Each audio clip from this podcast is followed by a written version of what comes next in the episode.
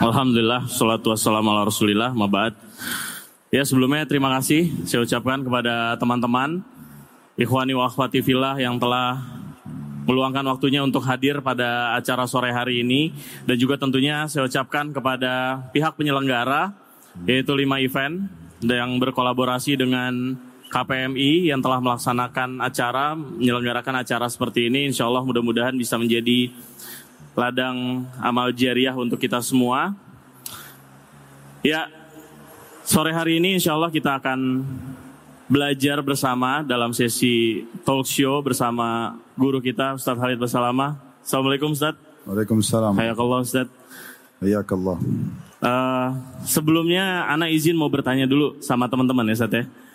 Terkait tema kita pada sore hari ini nih. Coba saya mau tahu dulu. Siapa di sini yang masih jomblo? Wah, banyak. Nah, pertanyaan berikutnya. Siapa di sini yang ingin mendapatkan kebahagiaan dalam berumah tangga, baik di dunia maupun di akhirat? Wah, mantap. Masya Allah ya. Ini pertanyaan tadi mewakili talkshow kita pada sore hari ini, Ustaz. Tafadol, Ustaz, untuk menyapa teman-teman di sini, Ustaz. Barakallahu. Assalamualaikum warahmatullahi wabarakatuh. Alhamdulillah. Lisan kita tidak pernah berhenti memuji sang pencipta Allah Atas segala nikmat yang dilimpahkan kepada kita Terutama nikmat Islam dan iman. Karena dengan Islam dan iman kita mengenal Siapa yang telah menciptakan kita dan seluruh alam semesta ini Yaitu Allah subhanahu wa ta'ala. Dan kita punya panduan hidup Karena mengikuti ajaran agama sebagai panduan hidup yang Allah turunkan yaitu Islam. Dan mengikuti juga utusannya Nabi besar Muhammad sallallahu alaihi wa alihi wasallam sehingga semua itu membawa dan memudahkan kita untuk meraih kebahagiaan baik di dunia maupun di akhirat. Belum lagi nikmat yang lainnya kesehatan pekerjaan makanan minuman dan segala macam hal yang mungkin tidak asing buat kita dalam keseharian.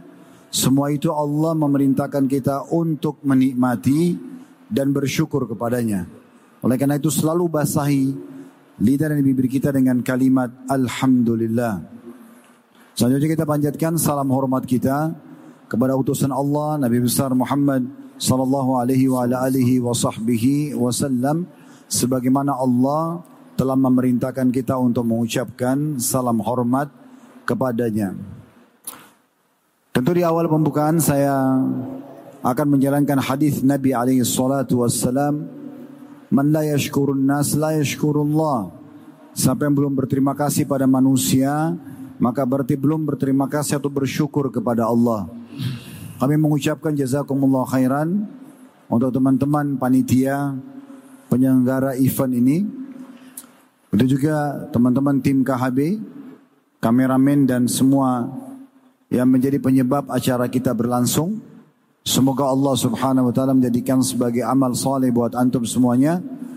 Begitu juga dengan teman-teman yang luangkan waktu di celah-celah waktu untuk berbelanja bersama-sama, bertemu dengan saudara-saudara kita pengusaha muslim, kita luangkan waktu untuk menuntut ilmu, dan ini juga sebuah nikmat yang besar harusnya kita syukuri.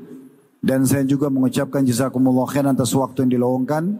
Semoga Allah ikhlaskan niat kita dan menjadikan majlis kita majlis yang mulia dan tercatat pahala di sisinya. Allahumma amin. Tema kita sebagaimana teman-teman lihat di layar, judulnya berbahagia dengan menikah. Tema ini teman-teman masuk kepada semua jenjang umur.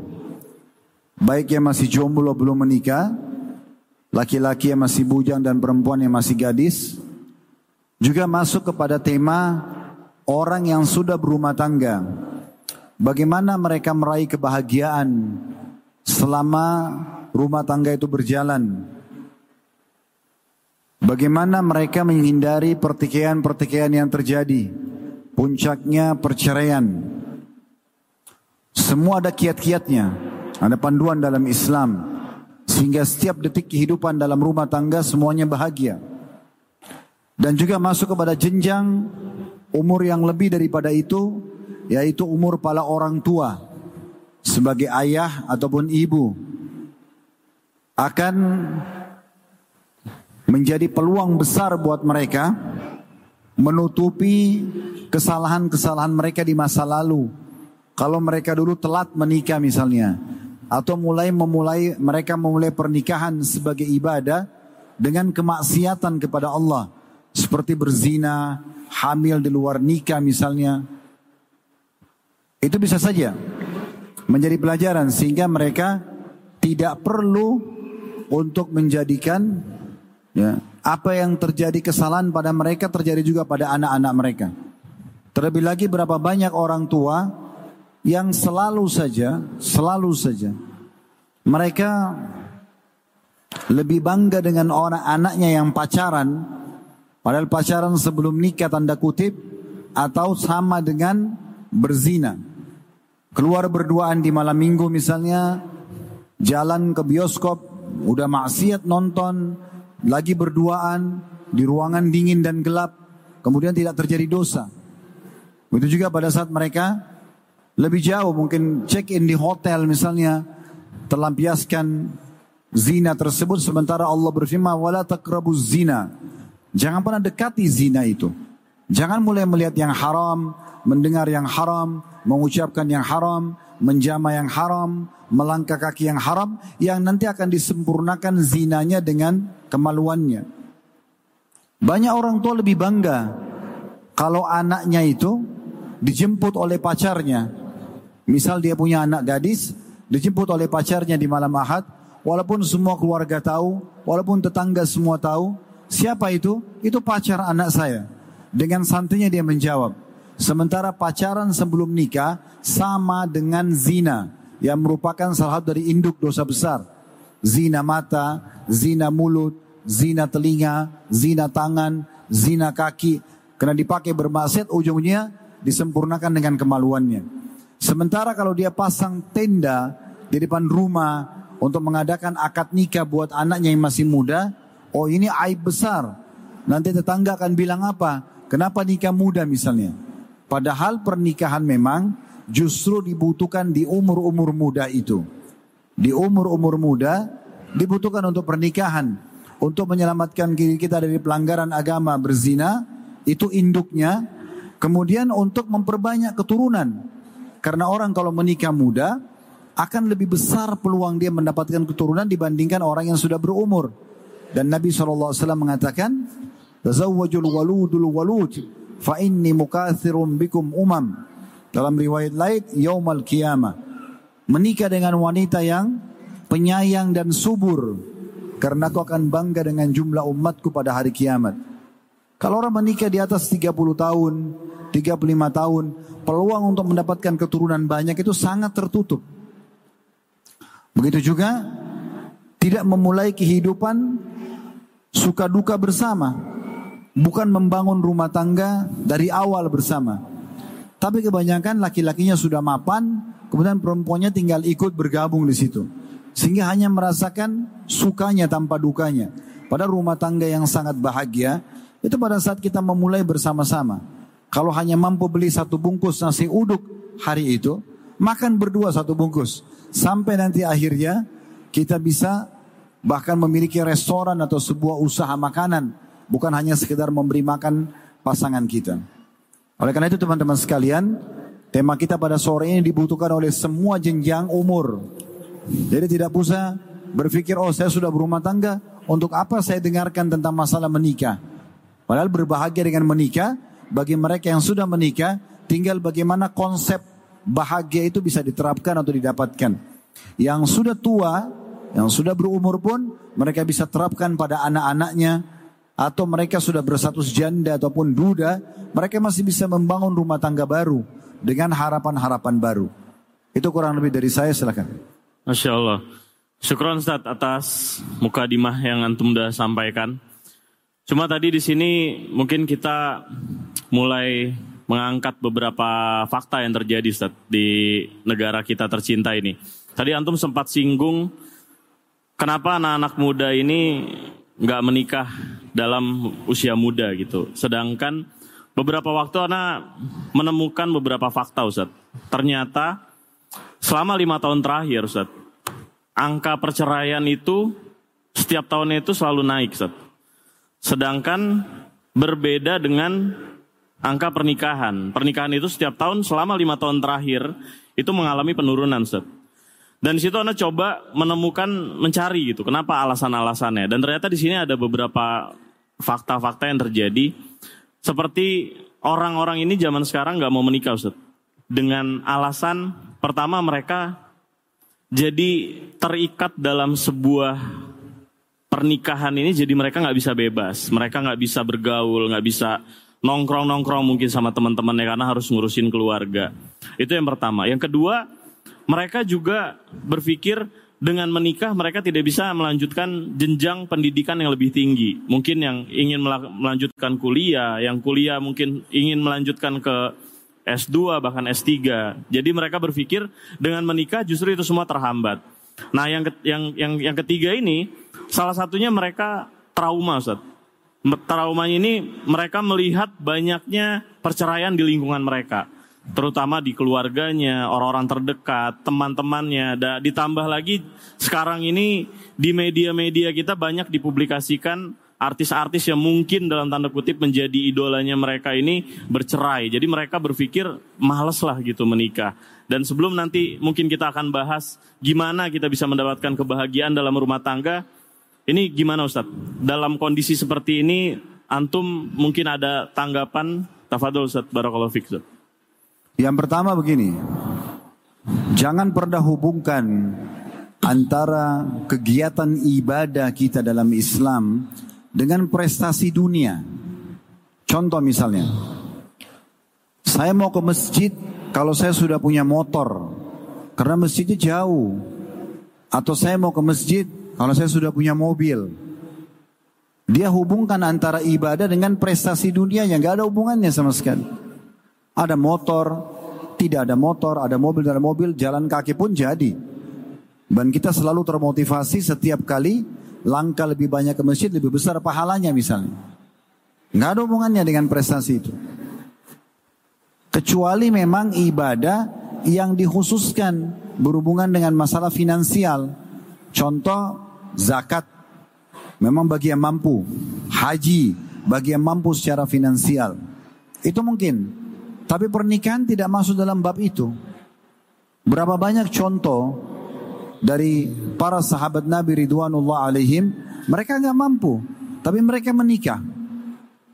Cuma memang agar bisa melangkah ke sana, menjalankan sabda Nabi Shallallahu Alaihi Wasallam, wa ankihul akfa aminkum dan menikahlah dengan orang yang sepadan dengan kalian.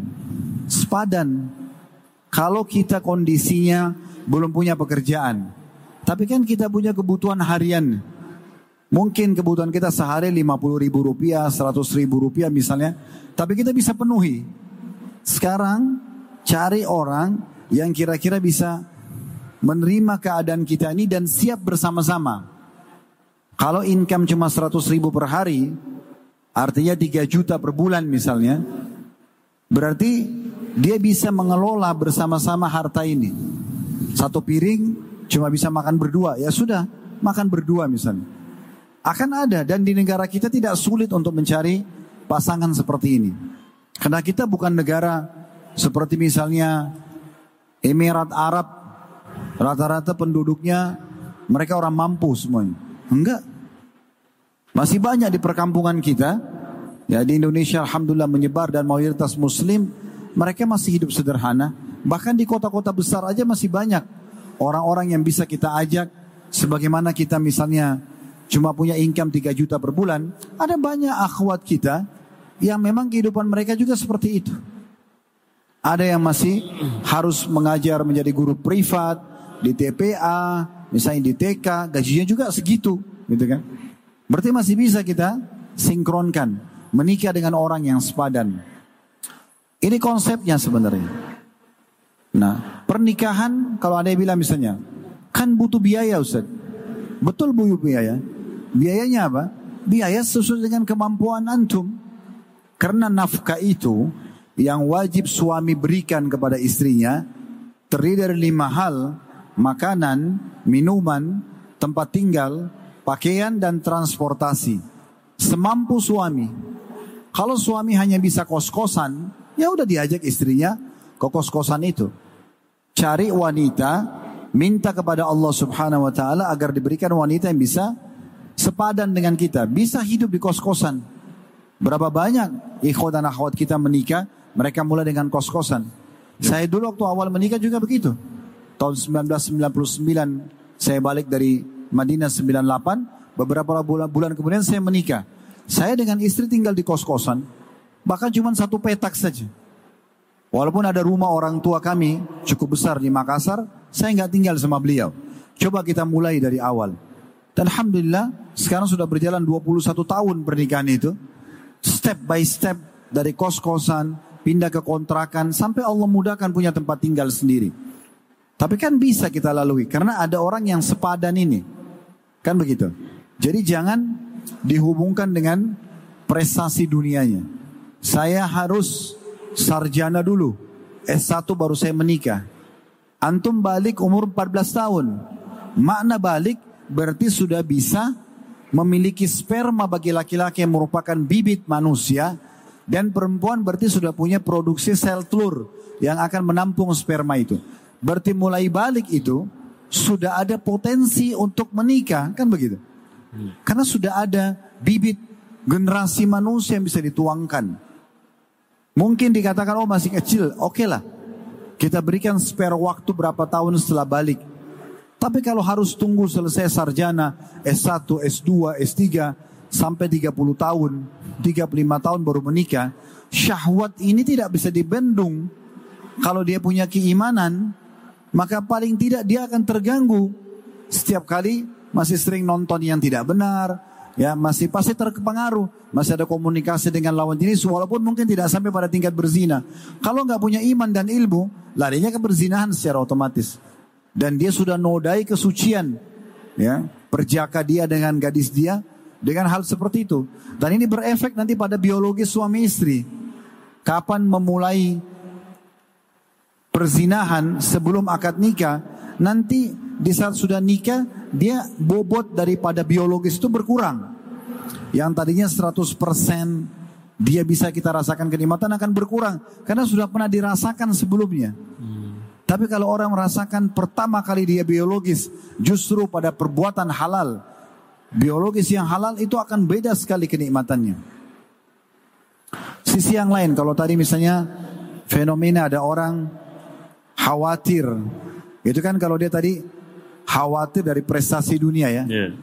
Kalau dia khawatir dari perceraian, teman-teman kita kalau mau sukses, lihat dari orang yang sukses juga. Jangan belajar dari orang yang gagal. Antum mau buka usaha, Terus misalnya mau buka usaha restoran, nasi misalnya, misal rumah makan Padang. Tapi antum melihat pernah ada tetangga buka restoran Padang tutup. Yang antum lihat dia, antum lupakan seribu atau sepuluh ribu rumah makan Padang yang lain yang sukses.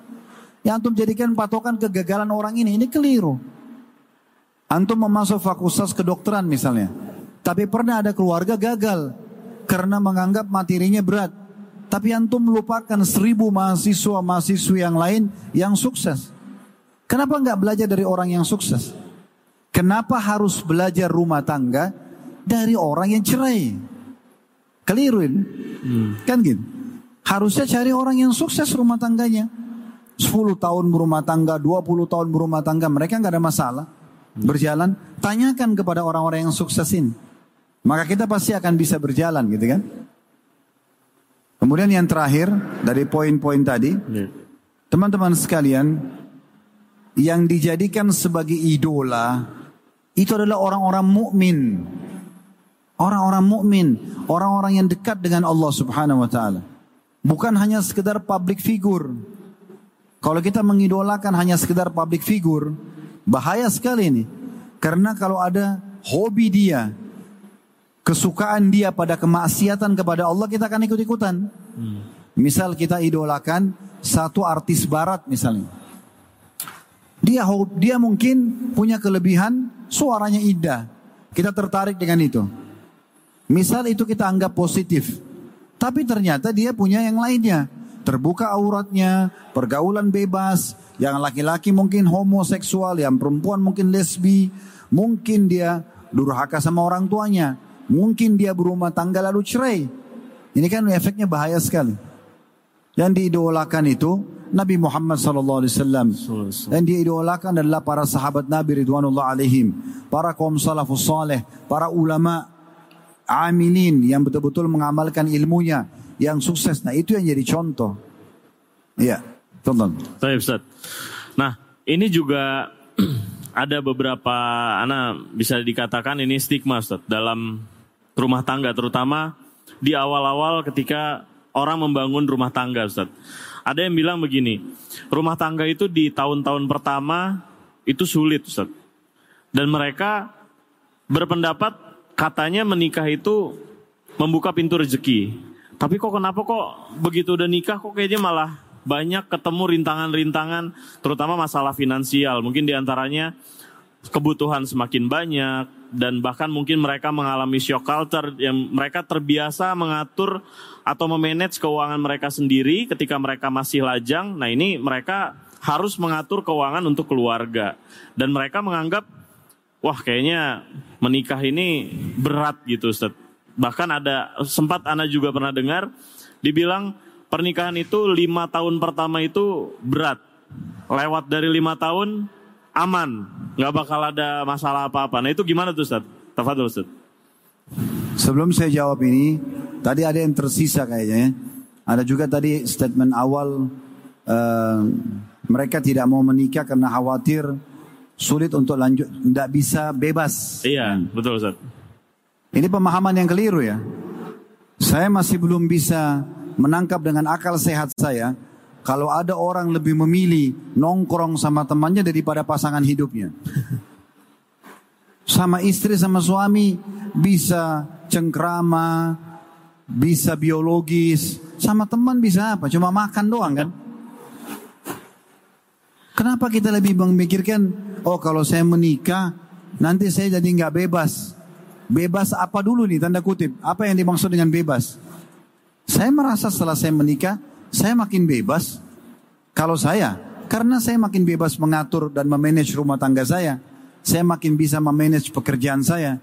Saya udah tahu nih, istri saya butuh begini, baik itu finansial, waktu, perhatian. Saya juga tahu, oh pekerjaan saya butuh ini finansial, waktu dan juga perhatian. Maka saya bisa memanage lebih rapi. Saya lebih bebas mengatur itu dibandingkan bujang ataupun gadis. Apa kata para salafus saleh? Bujang itu dalam kondisi tidak punya pasangan, ibarat seperti angin yang berada di padang pasir yang luas, tidak jelas arahnya. Dan bagaimana Abdullah bin Mas'ud radhiyallahu anhu mengatakan, kalau seandainya umurku sisa 10 hari saja, 10 hari saja, setelah 10 hari aku akan meninggal, maka aku tidak akan lewatkan satu malam pun kecuali bersama dengan sebuah seorang pasangan yang halal. Dan kata Nabi SAW dalam hadis yang lain, apa saja bisa dianggap sia-sia kecuali tiga hal. Salah satu dari tiga hal ini adalah cengkeramanya suami istri.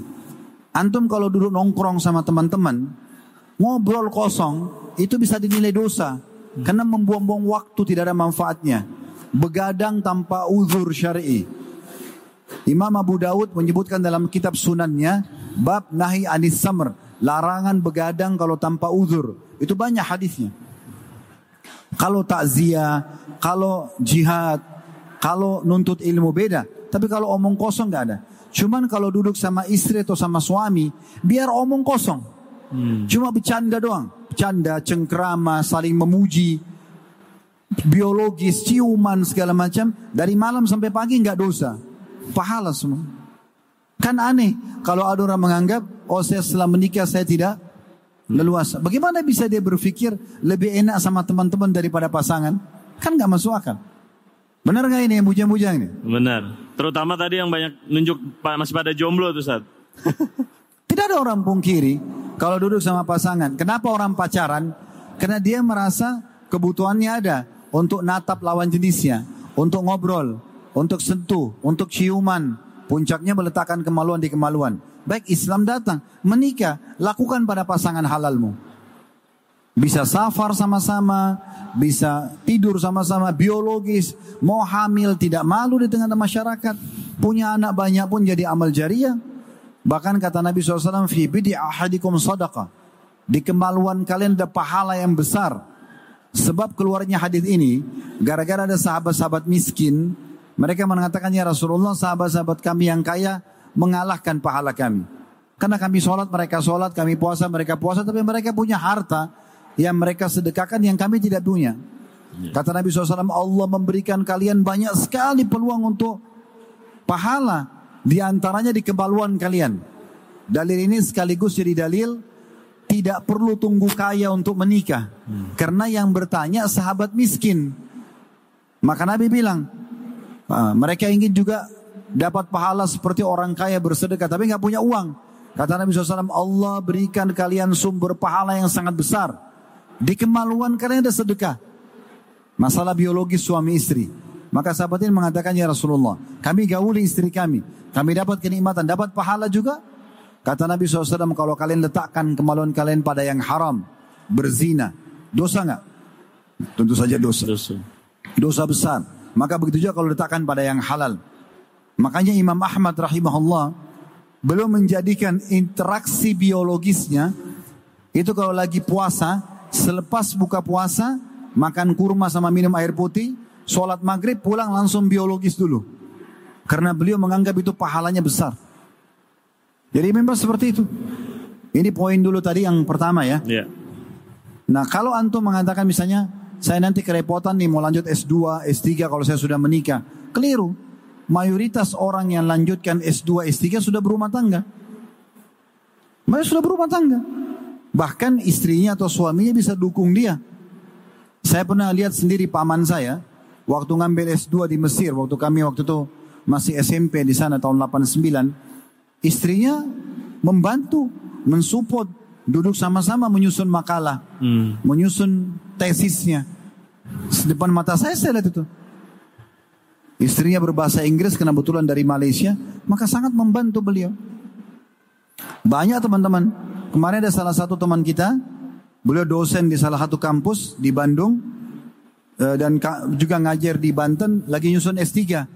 Itu sudah berumur beliau dan sempat telepon ke saya kita via Zoom karena memang mau mau, mau menanyakan tentang masalah fenomena dakwah yang ada di mall-mall. Sekarang bagaimana bisa berkembang dan memaksimalkan media. Itu sudah berumah tangga. Bahkan sudah punya anak. Jadi nggak ada hubungannya itu. Justru kalau ada pasangan kita lebih tenang. Iya. Yeah, ya, kita lebih tenang. Lagi susun makalah, ada yang buatin teh, oh. ada yang buatin kopi, Masya. ada yang suapin, kan gitu. Daripada sendirian banget. di kos-kosan, digigit nyamuk aja. Temannya nyamuk doang ya Sat ya? Iya, dia sukanya nyamuk yang gadis. Salah, cari manusia yang gadis gitu. Ya. Tadi yang selanjutnya yang kedua tadi apa? Nah itu Sat. Stigma ketika menikah.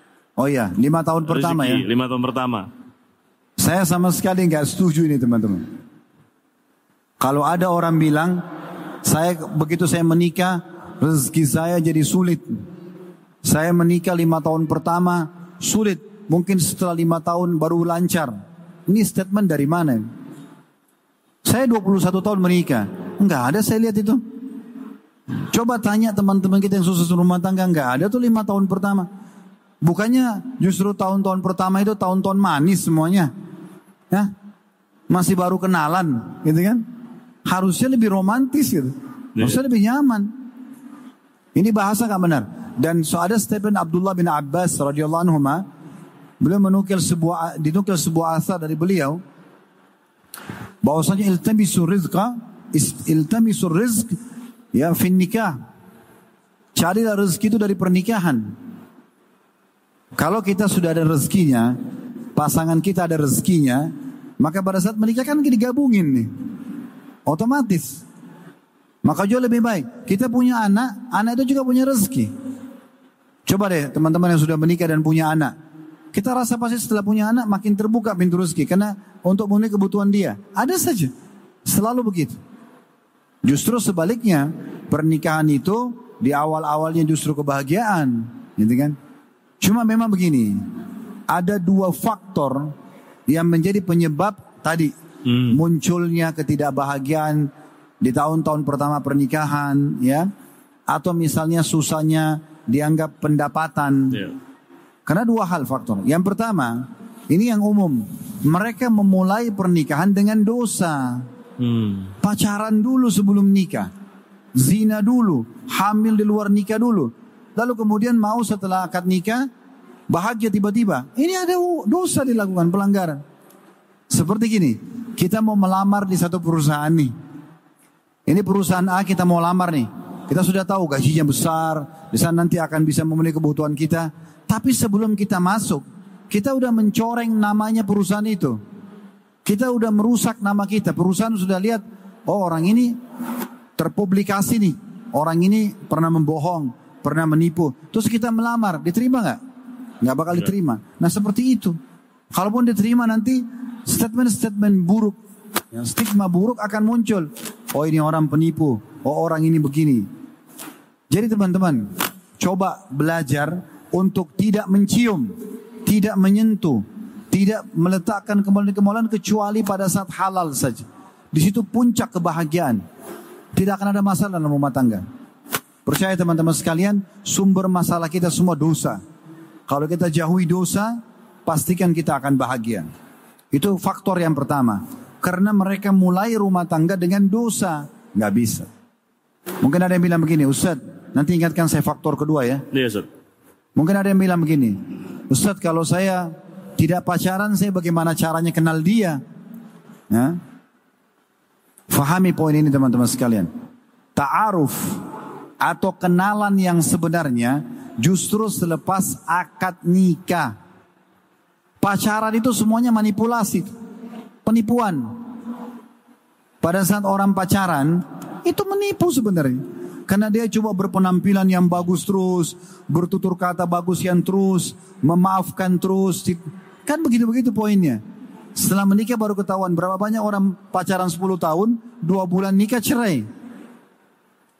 Jadi statement yang mengatakan, oh saya kalau tidak pacaran saya tidak kenal dia. Kenal dari mana? Justru setelah akad nikah, sampai salah satunya meninggal, itu ta'arufnya sedang berjalan. Hmm. Kita lagi saling kenal satu sama yang lain. Pernah lihat gak?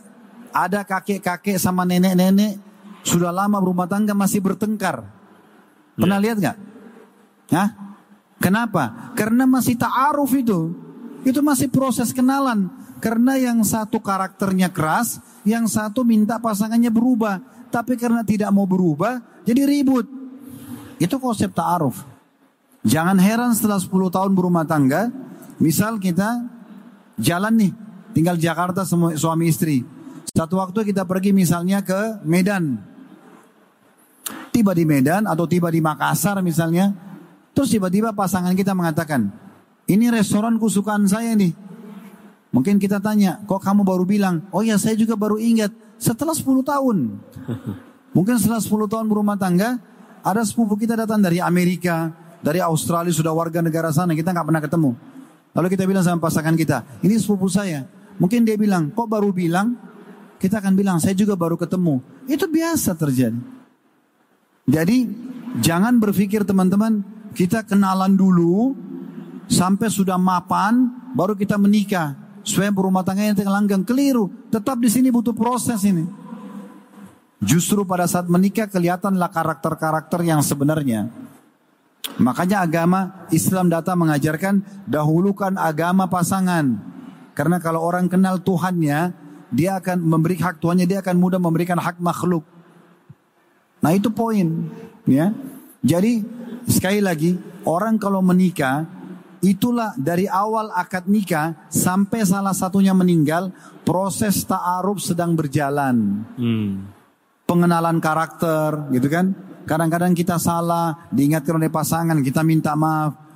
Dia memaafkan, kadang-kadang dia salah, kita maafkan kita minta maaf, kita kita dia salah kita maafkan, dia minta maaf, itu akan terus terjadi.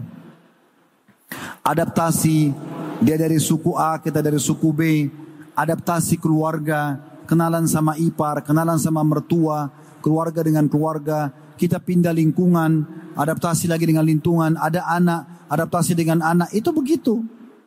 Jadi sebenarnya begitu akad nikah sampai salah satu meninggal, itu proses ta'aruf sedang berjalan.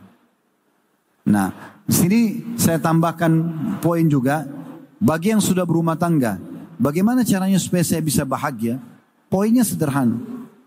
Saya bahasakan sama istri saya pada saat nikah, saya sama kamu ini ibarat pegawai. Saya pegawai, kamu juga pegawai. Di satu perusahaan namanya rumah tangga. Rumah tangga ini ada pemiliknya, ada ownernya. Itu adalah Allah subhanahu wa ta'ala. Saya jalankan apa yang ditugaskan kepada saya, diwajibkan kepada saya. Kamu juga jalankan sesuai yang ditugaskan kepadamu. Maka kita sama-sama akan dapat gaji nanti, dapat pahala. Dan sumber kebahagiaan setelah menikah, kalau menjadikan Islam sebagai rujukannya. Bukan ego, bukan hati nurani, tidak. Is, kalau salah satu lagi cekcok nih, gimana caranya? Kembali kepada Islam. Yang Islam anggap benar, berarti dia benar. Selesai itu patokannya. Yang salah minta maaf, yang benar memaafkan. Selalu buka lembaran baru. Nah seperti itu. Baik, itu faktor pertama yang paling banyak membuat rumah tangga di awal pernikahan. Bahkan mungkin sampai akhir pernikahan tidak ada kebahagiaan. Hmm. Karena memulainya dengan kemaksiatan. Yang kedua, memang tidak menerapkan Islam, tidak menerapkan panduan Islam dalam rumah tangganya. Yang dijadikan tolok ukur film-film, film barat, rumah tangganya orang barat, ceritanya tentang perselingkuhan, ceritanya tentang masalah uh, menipu pasangan, ceritanya tentang KDRT kekerasan dalam rumah tangga, itu perceraian. Jadi susah. Coba kalau antum jadikan patokan panduannya rumah tangga Rasulullah, rumah tangga Abu Bakar, rumah tangga Umar, rumah tangga orang-orang soleh, pasti juga antum akan bahagia. Hmm. Tidak ada ceritanya itu lima tahun pertama, terus kemudian setelah itu baru bahagia enggak? Dari hari pertama antum bisa bahagia. Selama tidak memulai pernikahan dengan kemaksiatan dan yang kedua adalah jadikan Islam sebagai panduan dalam rumah tangga aman. Masya Allah. Ustaz, ini kita udah mulai masuk ke inti sebetulnya gimana sih mendapatkan kebahagiaan di dalam sebuah rumah tangga Ustaz. Karena sering kali juga kebahagiaan ini selalu disandingkan dengan kebutuhan yang tercukupi, rezeki yang berlimpah. Sedangkan mungkin ada sudut pandang-sudut pandang lain yang sebetulnya secara kebahagiaan dalam rumah tangga itu lebih dari itu Ustaz. Mungkin boleh dijelaskan Ustaz, bahagia dalam dengan rumah tangga ini sebetulnya seperti apa Ustaz? Tafadhol Ustaz. Jangan pernah kurung, jangan pernah kurung sekali lagi. Istilah bahagia itu dengan finansial. Kalau antum patokannya bahagia itu adalah kalau saya punya uang banyak, kalau saya punya mobil mewah, saya punya rumah mewah, saya bahagia, ini keliru. Keliru. Karena berapa banyak orang yang rumahnya gubuk, mungkin jalan kaki, transportasi umum bahagia. Berapa banyak orang yang kaya, tapi tidak bahagia. Saya temukan banyak sekali jemaah kita, kasus-kasus lapangan masalah rumah tangga. Mereka kaya raya, tapi rumah tangganya 2-3 bulan cerai. Hmm. Satu tahun cerai. Tidak ada yang kurang. Mobil mewah, rumahnya di komplek paling lux, pekerjaannya luar biasa. Bahkan suami istri karir lagi dua-duanya. Cerai. Karena bukan finansial. Bukan. Kebahagiaan bukan di situ teman-teman sekalian. Tapi ketenangan jiwa yang didapatkan dari apa? Keikhlasan antum dalam menjalankan rumah tangga itu pertama. Bagaimana kita memang menjalankan ini karena ini adalah perintah agama. Siapa pun di sini yang menikah atau yang akan menikah, ya, yang sudah menikah atau yang akan menikah, kalau dulu niatnya menikah karena disuruh oleh orang tua atau karena hanya suka atau karena faktor umur atau karena misalnya nggak enak sama teman-teman karena teman-teman semua sudah menikah detik ini di ruangan ini ubah niatnya ya nanti masih gadis dan bujang mau menikah jangan pernah ini niatnya jangan niat karena suruhan orang tua jangan karena kena suka jangan karena faktor ekonomi jangan karena faktor politik karena keamanan jangan karena misalnya faktor umur nggak ada faktor cuma satu karena ini adalah ibadah. Karena ini adalah ibadah. Karena kata Nabi SAW, An-nikahu sunnati, wa man ragiban sunnati falaysa minni. Nikah adalah sunnahku dan yang menolak sunnahku bukan dari golonganku. Jadi niatkan karena ingin menjalankan sunnah. Dan semua orang yang menjalankan sunnah, sunnah itu mudah dan murah. Hmm. Kalau sesuai dengan sunnah, mudah dan murah. Coba kalau orang meninggal, ikuti sunnah. Dua lembar kain kafan, masukkan ke kuburan, gundukan tanah, iya. selesai. Coba kalau tidak ikuti sunnah, macam-macam. Lawan sunnah itu akan berat dan mahal. Hmm. Menikah sesuai dengan sunnah. Udah saksi dua, walinya perempuan. Dan kata Nabi SAW untuk maharnya, aksaruhunna baraka akaluhunna mahra. Wanita yang paling banyak berkahnya yang paling sederhana maharnya. Berarti kan makin sederhana. Dan kata Nabi SAW kepada Jabir, Aulim walau bisyad. Iklankan pernikahanmu. Walaupun dengan seekor domba. Domba 2-3 juta dapat. Gitu kan? Udah bisa kita rayakan pernikahan itu. Jadi kalau ikuti sunnah itu mudah. Dan murah. Begitulah Islam mudah itu. Jadi yang pertama, kalau mau bahagia rumah tangganya, maka yang harus dilalui adalah keikhlasan itu dulu. Lakukan pernikahan karena Allah SWT. Yang kedua teman-teman sekalian, ini saya ulangi poin tadi. Jadikan Islam sebagai rujukan utama rumah tangga. Kalau suami punya pendapat, istri punya pendapat, kembalikan kedua pendapat ini kepada Allah dan Rasulnya. Ya. Farudduhu ilallahi wa rasuli kata Allah dalam Al-Quran. Kembalikan kepada Allah dan Rasulnya. Sehingga yang menilai nanti Islam yang benar pendapat suami atau pendapat istri. Islam mengatakan suami yang benar. Suami memaafkan istrinya, istri minta maaf. Pegangi Islam itu. Ini harus Islam. Nggak bisa nggak. Yang ketiga, jauhi semua pelanggaran agama dalam rumah tangga. Jangan buka pintu maksiat. Jangan nonton film porno dalam rumah tangga. Suami istri sama-sama lalu nonton film porno. Laki-laki lihat aurat perempuan selain istrinya. Istrinya lihat aurat laki-laki selain suaminya. Pada saat mereka biologis yang dibayangkan yang di film. Gimana caranya? Ini zalim kepada pasangan? Nggak boleh. Jangan teman-teman sekalian buka pintu-pintu maksiat. Gosipin orang, manipulasi data. ya. Tapi buka pintu-pintu ketaatan. Menuntut ilmu, bakti sama orang tua, ya, mencari rezeki halal. Yang keempat, Jangan pernah libatkan orang ketiga kecuali ahlinya. Jangan pernah libatkan orang ketiga kecuali ahlinya. Ahlinya siapa? Ahli agama. Ustadz atau ustazah. Kalau punya permasalahan agama, tanya kepada pakar agama. Jangan konsultasi sama teman-teman. Nggak paham agama. Hmm. Dia punya masalah sama pasangannya, yang diajak ngobrol satu satu kantor temannya semua. Menurut kau bagaimana? Menurut kau bagaimana? Menurut kau bagaimana? Mungkin mereka jauh dari agama, tidak faham. Oh, menurut aku cerai saja. Oh, menurut aku tonjok saja. Oh, menurut aku cuekin aja. Kan begitu orang bisa kasih pendapat. Tidak boleh teman-teman. Termasuk dalam hal ini, jangan bicara sama orang gagal rumah tangga. Nggak boleh bicara sama janda, sama duda dalam muka khusus rumah tangga, nggak bisa. Karena mereka gagal. Kecuali yang cerai meninggal ya. Janda karena suaminya meninggal, duda karena istri meninggal itu lain. Tapi kalau cerai ini nggak boleh jadi rujukan. Karena mereka sendiri gagal. Cari orang yang berhasil. Ada pernah kasus rumah tangga sampai bercerai gara-gara si istri ini selalu konsultasi kalau punya masalah sama suaminya dengan adiknya yang masih gadis. Jadi kacau semuanya. Karena adiknya masih gadis ini akan kasih pendapat yang salah. Hmm. Dan ingat, pada orang ketiga ini pun ustadz dan ustazah hanya konsultasi. Bukan curhat. Sama kalau ke dokter, konsultasi, bukan curhat. Kalau itu gimana? Saya semalam ucapkan dalam kondisi marah cerai pada istri saya. Jatuh nggak tolaknya? Itu konsultasi. Hmm. Kalau curhat, Ustaz, saya cerita dulu ya. Seminggu yang lalu saya bertengkar sama istri saya. Terus baikan lagi, terus ribut lagi. Terus saya ucapin cerai. Ini curhat namanya. Nggak perlu. Terus saya curhat sama siapa Ustaz?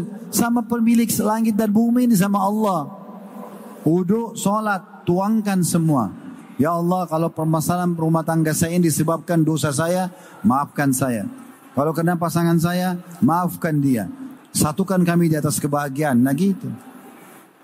Yang terakhir yang kelima, selalu berdoa.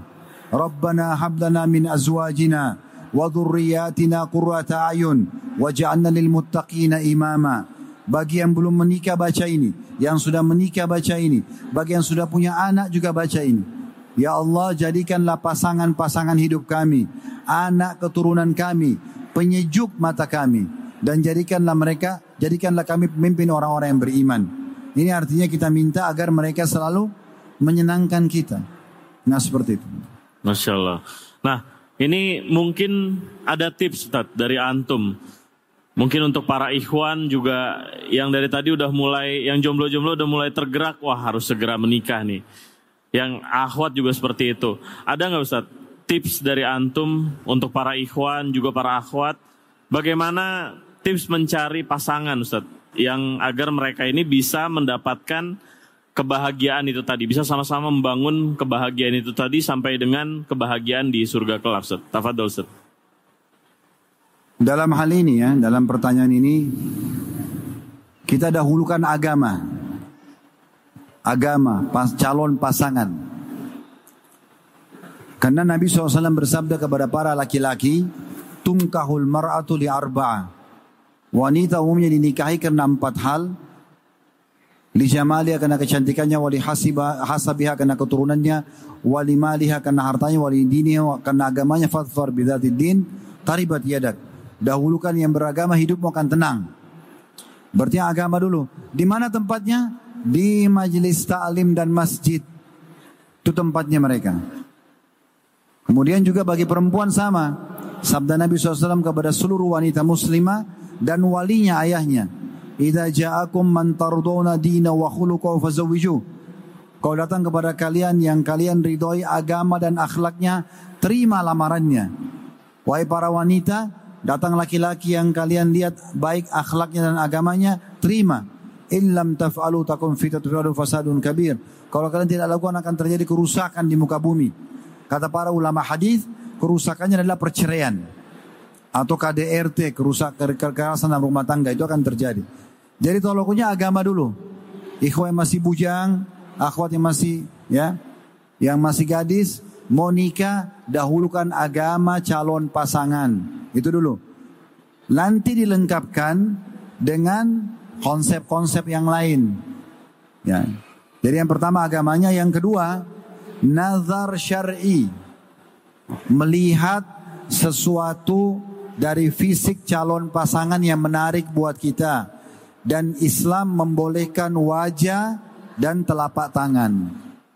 Wajah mewakili kepala sampai ke perut, telapak tangan mewakili ke perut sampai ke kaki. Cukup. Enggak usah bilang saya mau lihat rambutnya akhwat, suruh buka jilbabnya, mau lihat lehernya, mau lihat dadanya, ini semua omong kosong. Syaitan, nggak boleh diikutin. Nazar syar'i. Kata Nabi SAW, lihatlah sesuatu yang menarik dari calon pasanganmu. Ya.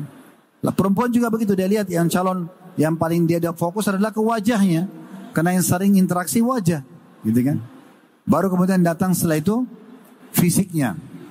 Yang jelas kita nazar syari dan ingat nazar syari nggak boleh berdua-duaan, nggak boleh khalwat. Kata Nabi SAW kalau laki-laki dan perempuan berdua, yang ketiganya syaitan harus ada walinya si wanita, ya atau ditemani sama orang keluarganya dan rame-rame. Yang ketiga, kenali keluarganya. Sebenarnya teman-teman sekalian, dalam satu hari antum sudah bisa ambil keputusan ini orang layak nikah sama saya atau tidak. Satu hari, nggak butuh lama-lama. Asal sudah lihat agamanya oke. Okay. Ya, kemudian yang kedua, yang saya lihat dari fisiknya, para paraswanya fisik ini sudah cocok buat saya. Dan yang ketiga, kita dahulukan melihat keluarganya. Kalau dari keluarga ayah, ayah itu calon ayah calon istri atau ayah calon suami. Ini akan menurunkan fisik kepada anak cucu kita. Makanya pernah ada sahabat, dia sama istrinya berkulit seingat saya agak terang ya. Mungkin putih, anaknya lahir berbeda kulitnya. Suaminya keluh kepada Nabi, ya Rasulullah, ini gimana nih? Hmm. Jadi seakan-akan beliau bilang, saya begini, istri saya begini, kok yang keluar ini? Maka Nabi SAW tanya, kamu punya unta nggak di rumah? Dia bilang ada ya Rasulullah. Baik, jantan sama betina. Warnanya apa? Coklat muda. Nabi tanya, ada anaknya nggak? Ada. Berapa ekor? Kalau nggak salah disebut tiga ekor. Oke, warna anak-anaknya sama nggak dengan warna orang tuanya? Enggak beda ya Rasulullah, kata orang itu. Kata Nabi SAW, kenapa beda?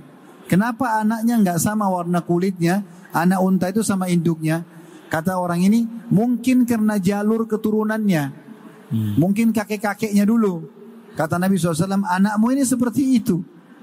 Pernah lihat nggak suami istri, anaknya lahir beda sekali sama muka ayahnya, muka ibunya. Tidak usah curiga, wah ini istri saya selingkuh nih. Enggak, bukan begitu. Ya, jadi memang anak ada jalur keturunan. Makanya melihat ayah calon pasangan secara fisik dan keluarganya secara umum itu sebenarnya seperti kita sudah melihat oh keturunan saya nanti akan seperti itu.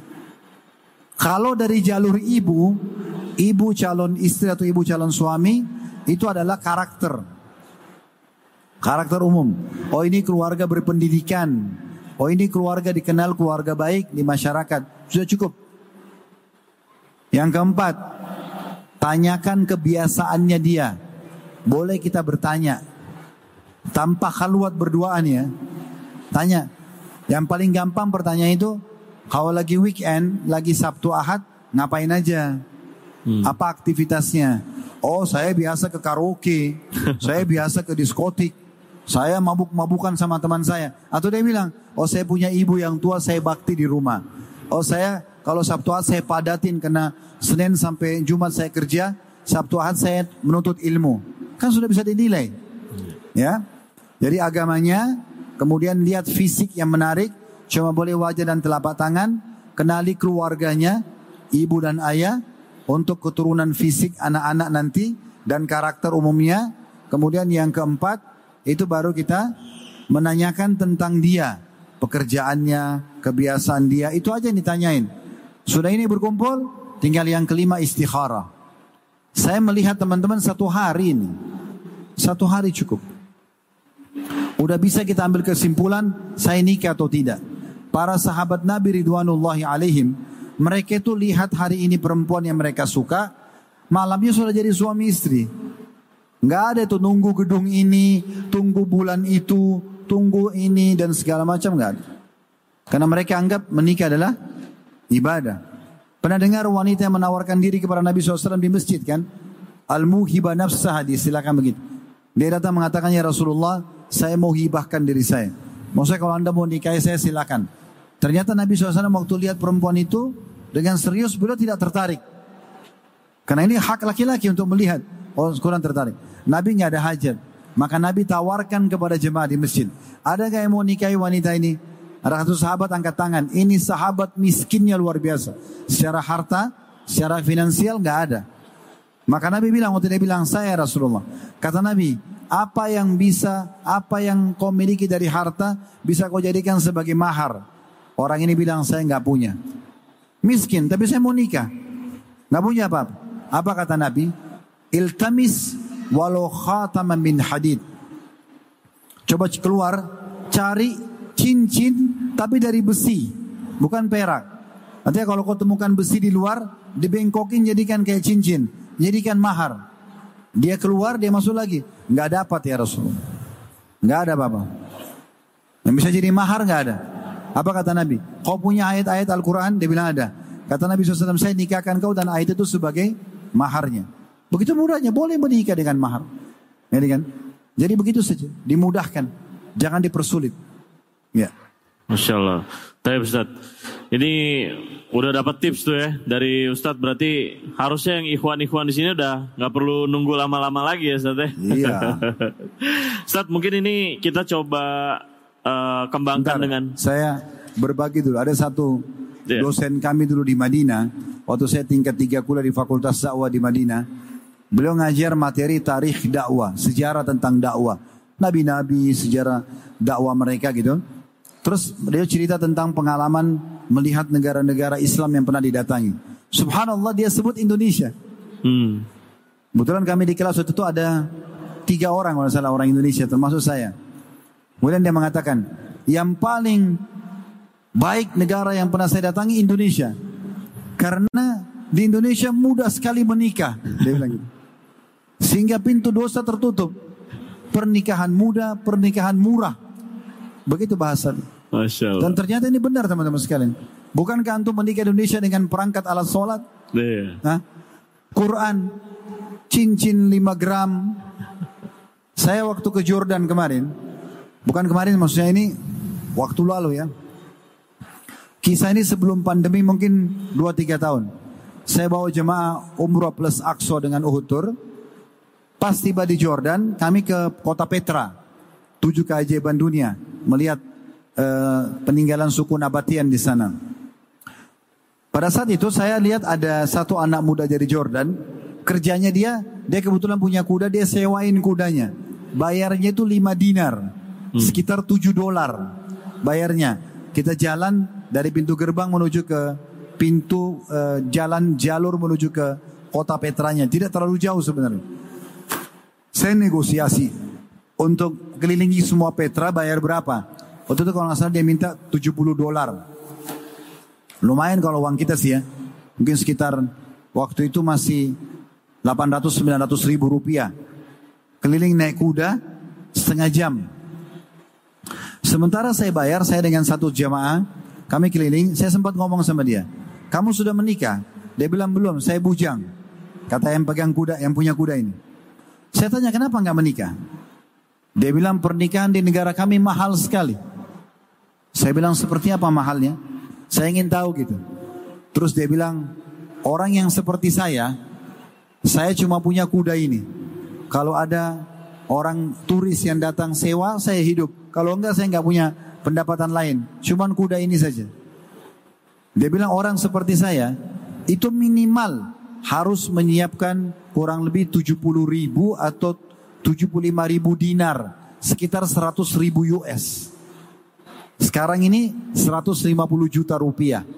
Itu orang yang paling miskin di Jordan untuk menikah. 150 juta ini mungkin sudah pernikahan pejabat kita gitu. Iya. Ya. Antum bisa menikah, datang ke satu perkampungan, datang ke pesantren, imam masjid, saya muslim, saya mau nikah, saya cuma punya uang sekian, bisa dimudahkan. Gitu kan? Jadi jangan persulit pernikahan itu. Dan juga sekaligus saya ingatkan bagi bapak-bapak yang hadir di sini punya anak bujang, punya anak gadis, nikahkan mereka. Jangan hubungkan antara eh, prestasi dunia mereka harus sarjana dulu, mereka harus kerja dulu baru menikah. Karena fitnah di luar sana sangat besar. Apa susahnya kita menambah satu piring untuk anak mantu kita di rumah, tapi anak kita aman dibandingkan kita biarkan dia bebas bergaul di luar sana, sehingga kita pun sebagai orang tua menanggung dosanya. Baik Ustaz. Mungkin kita sambil kembangkan lewat pertanyaan ya Ustaz ya. Ini eh, untuk teman-teman yang di sini boleh jika ada yang ingin bertanya ditulis di kertas bisa diserahkan ke teman-teman panitia nanti agar bisa kita bacakan. Ini Anda bacakan dulu Ustaz ada pertanyaan yang masuk dari sosial media kita Ustaz. Dari hamba Allah laki-laki berasal dari Jakarta masih seorang pelajar. Pertanyaannya Ustadz saat ini Ana melakukan zina yaitu pacaran. Tapi Ana ingin bertaubat kepada Allah dan di sisi lain Ana sangat mencintai wanita ini Ustadz. Dan Ana tidak bisa meninggalkannya. Mohon bagaimana Ustadz? Pertama sekali, jauhi zina, teman-teman sekalian. Allah mengatakan ya masalah itu. Wala taqrabuz zina, jangan dekatin zina itu. Jangan mulai dengan melihat, jangan mulai dengan mengucapkan, jangan mulai dengan mengetik, jangan mulai dengan menjama, mencium. Nanti kemaluan membenarkannya. Hindari semua itu. Kenapa? Karena Allah yang haramkan. Allah yang haramkan. Kalau tidak ada pemicu, tidak ada tontonan, tidak ada yang didengar, tidak ada pacarnya, dia kan tidak terpicu untuk berzina. Yang mendorong ini karena dia punya itu. Maka dia harus tutup dulu pintu itu karena agama mengharamkannya. Seperti kita meninggalkan babi tidak boleh makan karena agama haramkan. Kita nggak minum khamar karena agama larangkan. Haramkan. Seperti itu. Zina juga harus ditinggalkan dan wajib hukumnya bukan pilihan. Wajib. Kapan kita buka ini kita sedang membuka pintu masalah buat kita. Pintu masalah. Jadi hukuman Allah subhanahu wa ta'ala bisa datang lebih berat daripada perbuatan kita. Kata Abdullah bin Umar radhiyallahu anhu, aku pernah melakukan satu dosa kecil Bukan zina dosa besar, dosa kecil. Sudah cukup Allah mengharamkan aku untuk sholat berjamaah di masjid satu bulan. Subuh tidak ada bisa sholat di masjid. Nggak terbangun beliau. Karena melakukan satu dosa kecil. Oleh karena itu ditinggalkan. Tinggal sekarang pertanyaannya, saya menyukainya. Kan rasa suka muncul karena interaksi tadi kan? Yeah. Orang kalau interaksi, tatapan mata, saling ucapan, saling memuji, memegang, memeluk, mencium, ini suka nanti. Otomatis ya. Maka bagaimana caranya? Batasin dulu itu. Suka boleh saja. Tapi katakan, ini agama haramkan. Saya kalau dekat sama kamu nanti malah dari dosa. Kalau Allah mudahkan kita berjodoh, kita akan menikah. Tapi kita harus tutup ini. Dan kita minta sama Allah subhanahu wa ta'ala agar Allah jadikan kita sebagai jodoh. Nah setelah itu komitmen, jaga jarak. Supaya jangan terbuka pintu dosa itu. Bisa saja teman-teman, dengan kita meninggalkan perbuatan dosa itu memang Allah jadikan sebagai jodohnya. Hmm. Eh begitu. Ya. Banyak sekali kisah berhubungan dengan masalah ini. Bagaimana mereka meninggalkan perzinahan, dua-duanya karena takut sama Allah, akhirnya Allah jadikan jodohnya. Menikah akhirnya. Dan berapa banyak orang karena alasan suka, mereka berzina, sudah saling suka, akhirnya karena zina itu Allah buat keluarga mereka dua-duanya bersikuku tidak mau menikahkan. Jadi sulit dipisahkan dengan secara paksa. Padahal mereka saling suka. Karena efek daripada dosa mereka. Jadi efeknya ada. Lebih baik ditinggalkan dan mohon kepada Allah SWT agar memang dijadikan ini sebagai jodohnya. Ya. Saya Ustaz. Pertanyaan berikutnya Ustaz. Dari teman kita salah satu yang ada di sini. Assalamualaikum warahmatullahi wabarakatuh. Perkenalkan nama saya Reza. Saya ingin bertanya Ustaz. Bagaimana jika saya menikah tanpa restu orang tua bagi orang khususnya untuk laki-laki? Selain itu orang tua saya karena orang tua saya masih cenderung menjadikan prestasi dunia sebagai patokan. Lalu bagaimana saya harus memberitahu mereka agar mereka masih mau menerimanya? Tafadol Ustaz. Pertama berdoa, berdoa. Umar bin Khattab berkata radhiyallahu anhu, Saya pernah berselisih pendapat dengan Bilal dalam masalah harta rampasan perang Persia. Waktu itu Umar bin Khattab berharap tidak semuanya dibagi kepada mujahidin apa yang sudah direbut di Persia tapi diajak kerjasama dengan penduduk setempat. Bilal nggak setuju. Maka Umar bin Khattab mengatakan, aku ya menjadikan doaku di malam hari, maksudnya doa di sholat malam itu untuk mencari titik temu untuk melunakkan hatinya Bilal. Maka Umar bin Khattab pun berdoa di malam hari. Esok harinya Bilal memberitakan kalau hatinya sudah bisa menerima pendapat Umar. Jadi berdoa, minta kepada Allah SWT agar Allah jadikan ya apa yang kita harapkan itu bisa. Allah lunakkan hati orang tua. Saya ingin berbagi sebuah kisah di Yaman. Ini kisah nyata terjadi di Yaman. Ada satu anak muda, bujang, Ya, dia buta, matanya buta.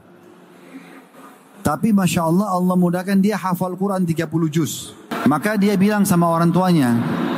Waktu dia sudah berumur kalau tidak salah 20 tahun atau 19 tahun. Dia bilang, ayah saya mau menikah. Kata ayahnya, nak siapa yang mau sama kamu?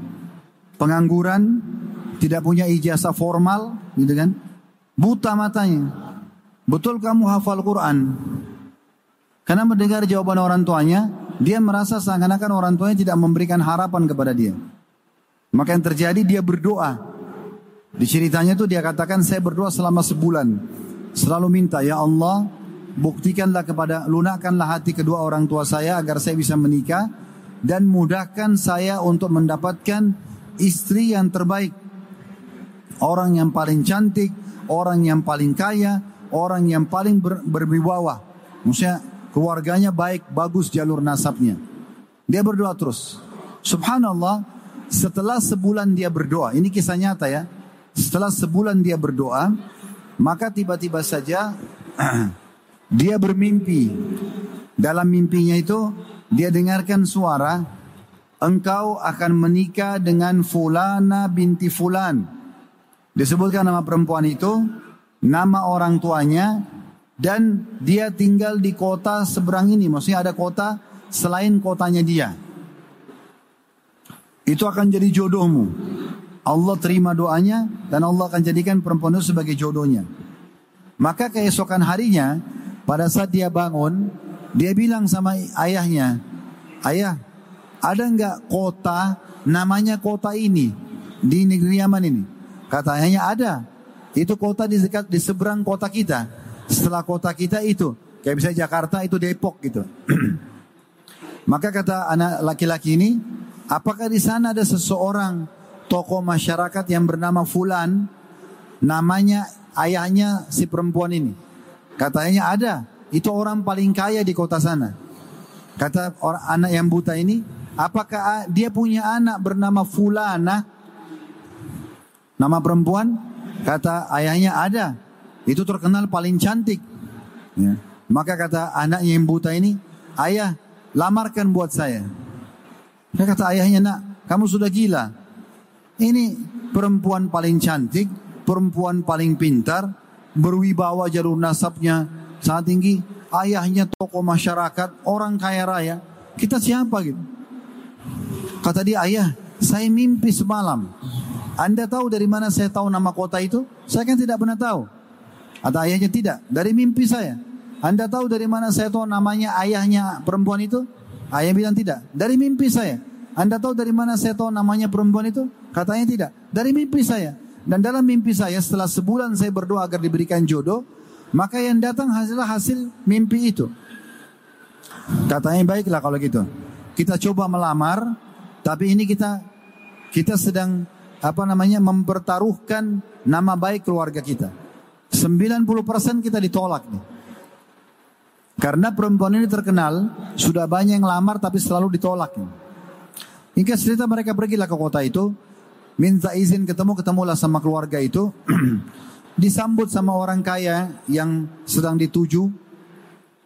Setelah menyampaikan, memperkenalkan diri segala macam, ayah, anak laki-laki yang buta ini mengatakan, ini anak saya namanya Fulan. Dia buta matanya, dia tidak punya kerjaan, cuma tinggal di rumah bersama kami. Tapi Alhamdulillah dia hafal Quran 30 juz. Kami ada niat baik datang sini dan kami terus terang mempertaruhkan nama keluarga kami. Kami khawatir tertolak. Dia ingin sekali melamar anak anda. Yang yang luar biasanya, tiba-tiba ayahnya si anak perempuan ini bilang, saya terima lamarannya. Maka si ayah laki-laki yang buta ini bilang, Kok bisa anda terima lamaran anak saya? Nggak ada ijazah formal, nggak ada pekerjaan, buta matanya. Kata ayahnya apa? Saya semalam mimpi.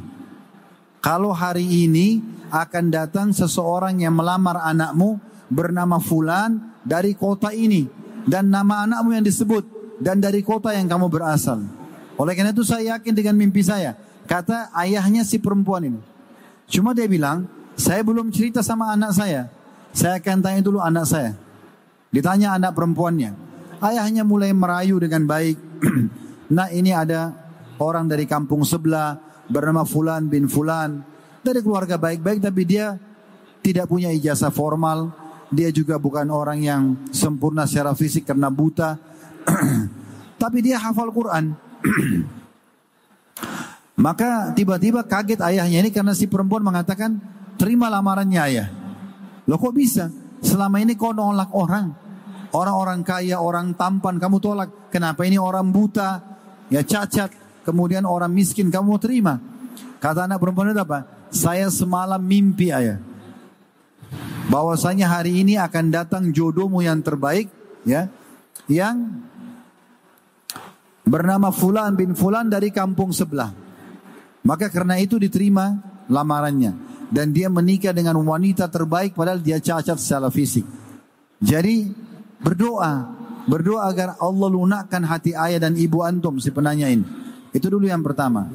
Yang kedua, siapkan ya jawaban-jawaban praktis dan selalu berhubungan dengan agama. Misalnya, pasti ayah atau ibu akan tanya, kenapa kau mau nikah cepat nak? Kan butuh jawaban. Jawabannya gak usah bertele-tele, praktis. Saya takut berzina. Hmm. Saya kadang-kadang kalau di sekolah ada lawan jenis, saya takut terjerumus. Kalau saya buat zina kan ayah sama ibu juga bisa tanggung dosanya. Sementara menikah sunnah. Jawaban praktis. Ditanya lagi, kira-kira nanti kau akan hidupi istrimu dari mana? Kan saya wajib memberikan nafkah harian. Ya, laki-laki itu hanya wajib memberikan nafkah harian bukan bulanan ya. Jadi kalau ada suami memberikan istrinya dari awal bulan untuk satu bulan ke depan itu kebaikan yang luar biasa. Karena kalau di pertengahan bulan sang suami meninggal, berarti dia sudah memberikan lebih nafkah dua minggu ke depan. yang wajib per hari. per hari. Saya wajib memberikan per hari. Dan saya tinggal tambah satu porsi makan buat istri saya. Tapi saya aman. Gitu kan? Kemudian juga sentuh ya sisi keorang tuaan mereka. Saya karena menghormati ayah dan ibu, maka saya sengaja minta izin baik-baik. Saya tidak ingin melangkah, walaupun laki-laki tidak butuh wali misalnya, ya. Jadi kita berdoa, kemudian siapkan jawaban-jawaban praktis. Yang ketiga kalau mau lebih sempurna, usahakan sudah punya calon. Yang calon ini kira-kira tidak asing bagi kedua orang tua kita. misalnya anak paman, anak tante, sepupu misalnya, anak tetangga, anaknya temannya, orang tua kita, supaya mereka tidak asing. Ada anaknya si fulan ayah, ada anaknya paman ini, anaknya tante ini. Mungkin bisa ditanyakan. Kalau mereka terima, alhamdulillah. Nah begitu. Kemudian berikan yang terakhir janji. Saya tidak akan susahkan orang tua. Saya tidak akan susahkan. Saya akan berusaha menafkahi diri saya dan istri saya juga. Insya Allah dengan itu Allah mudahkan. Masya Allah. Baik. Ini sepertinya suami-suami di sini baik-baik ya Ustaz ya. Karena di Indonesia ini rata-rata kasih nafkah bulanan Ustaz. Oh iya. itu berarti sudah buat kebaikan luar biasa. Masya Allah. Baik Ustaz. Namanya Fahmi Ustaz. Umur saya 33 tahun. Ini terkait bahagia dengan menikah Ustaz. Saya bahagia dengan pernikahan yang sekarang, tapi saya yakin akan lebih bahagia lagi jika diizinkan poligami, Ustaz. Dia bisa jamin gitu ya kalau poligami bisa lebih bahagia. Apa kiat-kiat supaya saya bisa sukses menjalani poligami, Ustaz? Tafadol, Ustaz. Saya balik bertanya dulu kepada penanya ini. Apa alasan antum mengatakan antum lebih bahagia dengan poligami? Apa tolong ukurnya? Kan kalau bahagia itu berarti sudah mencoba baru bahagia kan? Sekarang saya sudah sukses dalam usaha saya saya bahagia. Yeah. Saya sudah sukses. Kan gitu. Sudah sukses baru saya bahagia. Sekarang belum mencobanya. Itu dulu. Kemudian yang kedua, teman-teman sekalian, fahami poligami itu adalah bab tertinggi dalam bab nikah. Bab tertinggi. Untuk melangkah ke sana, ini butuh ilmunya. Nggak bisa sembrono begitu. Ya. Kadang-kadang kalau ikhwah tanya saya Ustaz, kan laki-laki tidak perlu izin istri. Saya mau poligami saja. Saya tanya balik, antum ini mau poligami jangka pendek atau jangka panjang? Kok bisa Ustaz? Iya. Kalau jangka pendek, suka seorang wanita daripada zina menikah, tapi tanpa istri pertama tahu. Ini jadi masalah ini. Ini seperti akan menjadi bom waktu setiap saat. Karena nanti akan kalau ketahuan cuma dua keadaan. Bertahan dalam kondisi terhina. Ya karena akan ada kata-kata yang tidak enak. Dan kita sebagai laki-laki punya kepribadian, kepemimpinan. Nggak mungkin bisa terima kalau dihina. Ribut. Atau cerai salah satunya. Menceraikan istri lama. sayang karena sudah sekian tahun mengabdi, menceraikan yang baru. Salahnya apa? Atau melangkah dengan poligami yang sehat. Bagaimana caranya? Ini harus sama-sama rangkul pasangan. Punya ilmunya dulu. Dalami ilmu agama bersama-sama. Kuatkan secara keimanan. Baru kemudian kita melangkah ke sana sambil memohon kepada Allah subhanahu wa ta'ala. Kalau dua-duanya sudah mapan secara keimanan, maka insya Allah dengan sendirinya Allah mudahkan. Apalagi kalau dia sudah sering berdoa kepada Allah agar dimudahkan. Saya sebagai seorang praktisi poligami, yang saya lakukan saya sering berdoa sama Allah. Ya Allah mudahkanlah poligami itu dengan caranya Allah. Maka Allah betul mudahkan dengan caranya, bukan dengan cara saya. Allah yang punya cara dengan itu. Tapi saya melihat memang kita harus sukses dulu nih di yang pertama. Betul-betul sudah maksimal dalam memberikan nafkah, perlindungan, menjalankan tugas kita kewajiban, baru kemudian melangkah ke pintu itu tentunya. Ya. Baik Ustaz. Pertanyaan berikutnya Ustaz. Saya seorang pemuda Ustaz. Saya sering memimpikan wanita idaman saya Ustaz. Apakah itu satu pertanda bahwa dia adalah jodoh saya Coba diulangi. Jadi pemuda ini mengidolakan seseorang wanita. Nah dia sering tiap tidur suka mimpiin wanita itu Sat. Apakah itu satu petanda bahwa itu Karena dia bayangin terus. Makanya dia mimpi. Nggak usah dibayangin yang belum jadi milik. Ya. Jadi nggak bisa kita jadikan patokan. Sekarang kalau antum suka lihat seorang artis Korea misalnya. Terus antum akhirnya mimpi dia, apakah itu pertanda dia jodoh antum? Enggak. Kan? Itu bahaya sekali itu karena nanti kalau kapan dia nikah sama orang lain antum kecewa. Jangan begitu poinnya. Makanya dalam Islam disuruh gudul basar, turunkan pandangan mata. Salah satu hikmahnya itu supaya kita tidak membayangkan yang aneh-aneh gitu. Ya. Kalau kita sudah mau menikah, suka dengan seseorang, sampaikan. Tapi dengan cara syar'i. Saya suka Anda, saya mau menikah. Bagaimana saya bisa ketemu walinya? Gentle sebagai laki-laki datang temuin ungkapin. Hmm. Ya begitu. Saya Ustaz. Pertanyaan berikutnya Ustaz. Pertanyaan dari seorang laki-laki Ustaz. Ustaz mohon tipsnya bagaimana agar saya bisa membahagiakan seorang istri karena istri saya suka dikit-dikit ngambek Ustaz. Ini istri yang suka ngambek dari syaitan. Suami yang suka tersinggung dari syaitan. Nggak boleh. Kenapa ngambek-ngambekan? Orang menikah untuk bahagia. Bukan untuk bertengkar. Apalagi sampai berantem. Sebentar-sebentar lempar-lemparan sendal, lemparan sepatu, memar mukanya. Ini sekalian aja beli ring tinju ini. Hah? Sekalian tinju-tinjuan. Orang menikah itu untuk bahagia supaya kita punya teman untuk bercengkrama, teman bercengkrama, teman romantisan, kan untuk bahagia. Orang duduk ngobrol, ciuman, pelukan biologis, diskusi tentang masalah rumah tangga, pendidikan anak, makan sama-sama kan untuk bahagia. Kenapa harus ngambek-ngambek? Gitu kan? Tidak usah ngambek. Makanya Nabi SAW wasiatkan kepada seorang anak muda yang datang, Ya Rasulullah, wasiatkan saya. Maksudnya supaya saya bahagia dunia akhirat. Kata Nabi la taghdab. Jangan kau ngambekan. Tidak boleh emosional. Apalagi ya Rasulullah. La taghdab.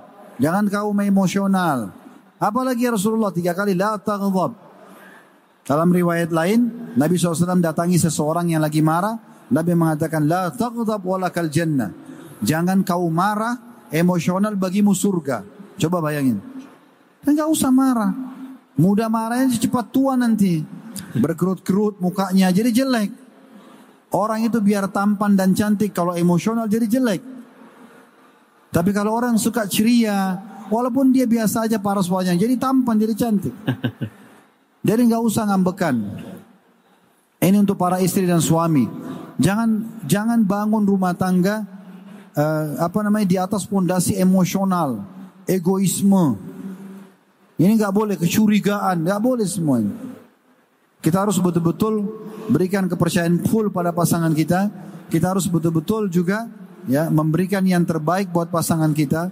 Ya, kita juga harus mengalah di waktu pada kita dibutuhkan kita mengalah. memaafkan pada saat memaafkan, menasehati pada saat dibutuhkan untuk menasehatin. Ya. Baik. Pertanyaan berikutnya Ustaz ini dari seorang ahwat Ustaz. Bagaimana menyikapi rasa kecewa yang berlebih karena saya tidak memiliki nafkah dari suami selama seumur pernikahan 9 tahun menikah Ustaz. Tafadol Ustaz. Bagaimana 9, tahun menikah mengobati si, kekecewaan? Iya.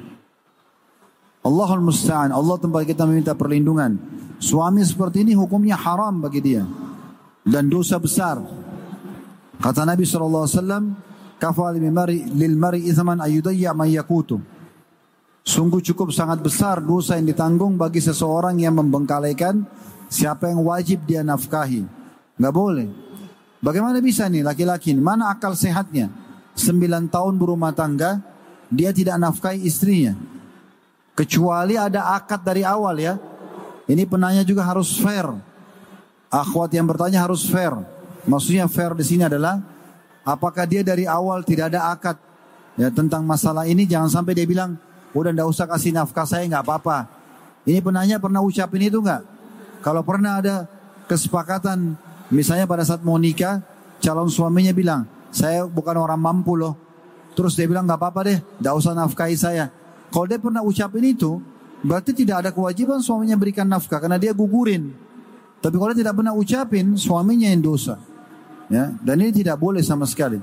Saran saya kepada penanya, kalau memang anda tidak ada akad sebelumnya untuk tidak melepaskan hak nafkah anda, nasihatin dia baik-baik, doakan, dan kalau dia tetap tidak mau, gunakan orang ketiga juga misalnya orang tuanya, orang yang faham agama untuk menasehatin. Kalau ini haram dalam Islam. Tidak boleh tidak memberikan nafkah. Dan nafkah itu berputar tadi saya bilang di makanan, minuman, pakaian, tempat tinggal dan transportasi semampu suami. Kalau juga tidak mau, tetap dia tidak mau dan ibu ini terganggu. Penanya ini terganggu, tidak bisa menjalankan rumah tangga, istikharakan kepada Allah SWT. Apakah saya lanjutkan atau tidak lanjutkan rumah tangga ini? Ya. Saya Ustaz. Pertanyaan berikutnya Ustaz. Ini pertanyaan terakhir sebelum nanti kita tutup dengan nasihat antum Ustaz. Pertanyaannya, Ustadz mohon nasihatnya. Saya insya Allah akan menikah dalam waktu dekat. Bagaimana tips agar saya bisa menyesuaikan karena usia pernikahan saya berbeda jauh dengan pasangan saya Ustadz. Jadi rentan perbedaan usianya ini. Yang nanya ikhwat atau akhwat? Akhwat. Kalau akhwat mendapatkan calon suami lebih tua itu bagus. Itu sangat bagus. Karena memang laki-laki kan pemimpin. Laki-laki itu makin berumur, dia makin dewasa. Kenapa Allah menobatkan para nabi-nabi di umur 40 tahun? Karena umur 40 tahun ini umur yang sangat matang akalnya bagi laki-laki. Biasanya kalau 40 tahun itu sudah mapan akalnya, mapan ekonominya gitu kan. Dewasa pemikirannya. Jadi kalau laki-lakinya lebih tua nggak ada masalah. Itu aman-aman saja. Kalau perempuan yang lebih tua, maka dilihat kondisi dan keadaan. Ini kenapa harus cari wanita yang lebih tua. Kalau dia butuh wanita yang lebih tua dari dia, karena butuh kedewasaan, dia butuh wanita yang sudah siap untuk uh, menjalankan rumah tangga, maka ini tidak masalah. Seperti Nabi SAW menikah dengan Khadijah radhiyallahu anha. Nabi 25 tahun, Khadijah 40 tahun. Dan beliau janda. Tapi karena sangat dewasa, bijaksana, bahkan para ulama mengatakan Khadijah adalah wanita yang paling cocok secara umur, secara akal, secara ekonomi, ya, secara hati nurani untuk menemani Nabi SAW di fase Mekah. Di fase Mekah, 10 tahun pertama dakwah, di mana Nabi SAW ditolak dakwanya. Memang beliau orang yang paling cocok misalnya. Tapi kalau bukan karena ini, maka menikah dengan orang wanita yang lebih muda lebih baik. Ya, seperti itu keadaannya. Jadi nggak ada masalah dengan laki-laki yang lebih tua bagi akhwatin. Baik, syukron Ustaz. Mungkin untuk teman-teman yang pertanyaannya Qadarullah belum sempat kita bacakan, mungkin insya Allah nanti akan kita angkat di sesi lain. Terakhir sebelum kita tutup, Ustaz, mungkin antum bisa kasih nasihat untuk kita semua di sini, baik yang para jomblo yang belum menikah dan juga mungkin kita yang sudah berumah tangga, bagaimana kita semua ini bisa mendapatkan kebahagiaan dengan menikah, baik kebahagiaan di dunia maupun di akhirat kelak, Ustaz. Tafadol, Ustaz. Mungkin sama dengan tadi ya, tapi saya pertegas saja. Jadi yang pertama, niatkan pernikahan karena ibadah. Orang kalau niatnya ibadah, maka dia akan mudah melalui suka dukanya. Contoh misalnya, bagi teman-teman yang pergi haji, Haji itu biayanya besar, jaraknya jauh perjalanan, waktu yang dibutuhkan juga lama. Tapi kalau orang ikhlas, haji itu dikerjakan karena Allah, dia akan penasaran untuk selalu mengulanginya. Dan pada saat ditanya, mau haji lagi tidak? Iya mau haji lagi. Padahal biayanya besar. Orang pergi jihad, berat, tinggalkan keluarga segala macam. Tapi pada saat itu dikumandangkan dan memang benar sesuai dengan syariat, lalu dia pergi, Enggak ada orang yang pulang dari jihad terus tidak mau pergi lagi. Sahabat setelah perang Badar penasaran dengan perang Uhud. Setelah itu berhadapan dengan musuh di perang Khandak, di perang Khaybar, Bani Mustalik, di Fathi Makkah, Hunain, Tabuk. Semua mereka hadir. Apa yang memotivasi sahabat untuk mengulanginya? Karena memang mereka niatkan ibadah. Nah sama dengan menikah. Kalau niatnya ibadah, kita akan bisa lebih mudah memahami kekurangan pasangan. Kita akan bisa merangkul dia untuk menyempurnakan kekurangannya, ya, uh, memaafkan kesalahannya, uh, kemudian mendukung program-programnya dan seterusnya. Jadi itu yang pertama, diniatkan karena ibadah. Yang mau menikah nanti niat untuk ibadah, bukan karena faktor umur, bukan keluarga. Yang sudah menikah, kalau dulu niatnya selain sunnah Nabi SAW selain ibadah, diubah sekarang. Yang kedua, jalankan dan fokus kepada kewajiban-kewajiban kita. Cari tahu suami itu wajibnya apa sih? dalam Islam jalankan fokus ke situ. Istri wajibnya apa sih? Fokus ke situ. Fokus pada kewajiban. Yang ketiga, ya, selalu membuka lembaran-lembaran pintu baru, lembaran baru dalam hidup kita. Kita setiap hari ta'aruf tadi saya bilang, maka butuh membuka lembaran-lembaran baru dalam kehidupan kita. Tidak ada masalah dalam rumah tangga itu, kita salah kita minta maaf. Yang benar memaafkan, buka lembaran baru lagi dan jangan pernah mengorek-ngorek masa lalu. Yang keempat, jangan curiga dan memata-matai pasangan. Mau bahagia, jangan curiga dan memata-matai. Jangan mengambil tugasnya malaikat. Udah, biarin saja. Kalau Allah buka depan mata kita kesalahan, bukan kita cari-cari, kita dukung. Tapi jangan sengaja ngorek-ngorek. Periksa handphone, curiga, pasang kamera di sana sini. Enggak. Gak usah. Jangan memata-matai. Yang kelima, kembali permasalahan kepada Islam dan kepada ahlinya para ulama. Dan yang keenam terakhir jangan lupa selalu berdoa. Rabbana hablana min azwajina wa dhurriyyatina qurrata ayun waj'alna lil muttaqina imama. Ya Allah jadikan pasangan-pasangan kami, anak-anak kami penyejuk mata kami. Semoga Allah Subhanahu wa taala di hari Jumat yang mulia ini apalagi kita selepas solat asar di waktu asar ini waktu mustajab doa. Allah kabulkan semua hajat kita dunia akhirat. Amin. Allah berikan kita sempurna. Amin. Yang belum menikah semoga dimudahkan jodoh yang terbaik. Yang sudah menikah semoga dibahagiakan dan dilanggengkan rumah tangganya. Yang sudah punya keturunan dikaruniai anak-anak yang soleh dan soleha. Amin. Dan juga bagi yang masih sempit rezekinya dilapangkan rezekinya, Amin. dimudahkan sumber rezeki dan juga pekerjaannya. Yang punya penyakit semoga diangkat dan apa pun hajat-hajat dunia dan hajat akhirat Semoga Allah kabulkan semuanya dan semoga Allah juga satukan kita semua di surga firdaus tanpa hisab mana disatukan dalam majlis ilmu yang mulia ini. Dari saya itu saja. Subhanakallah wa bihamdika asyhadu an la ilaha illa anta astaghfiruka wa atubu ilaik. Wassalamualaikum warahmatullahi wabarakatuh.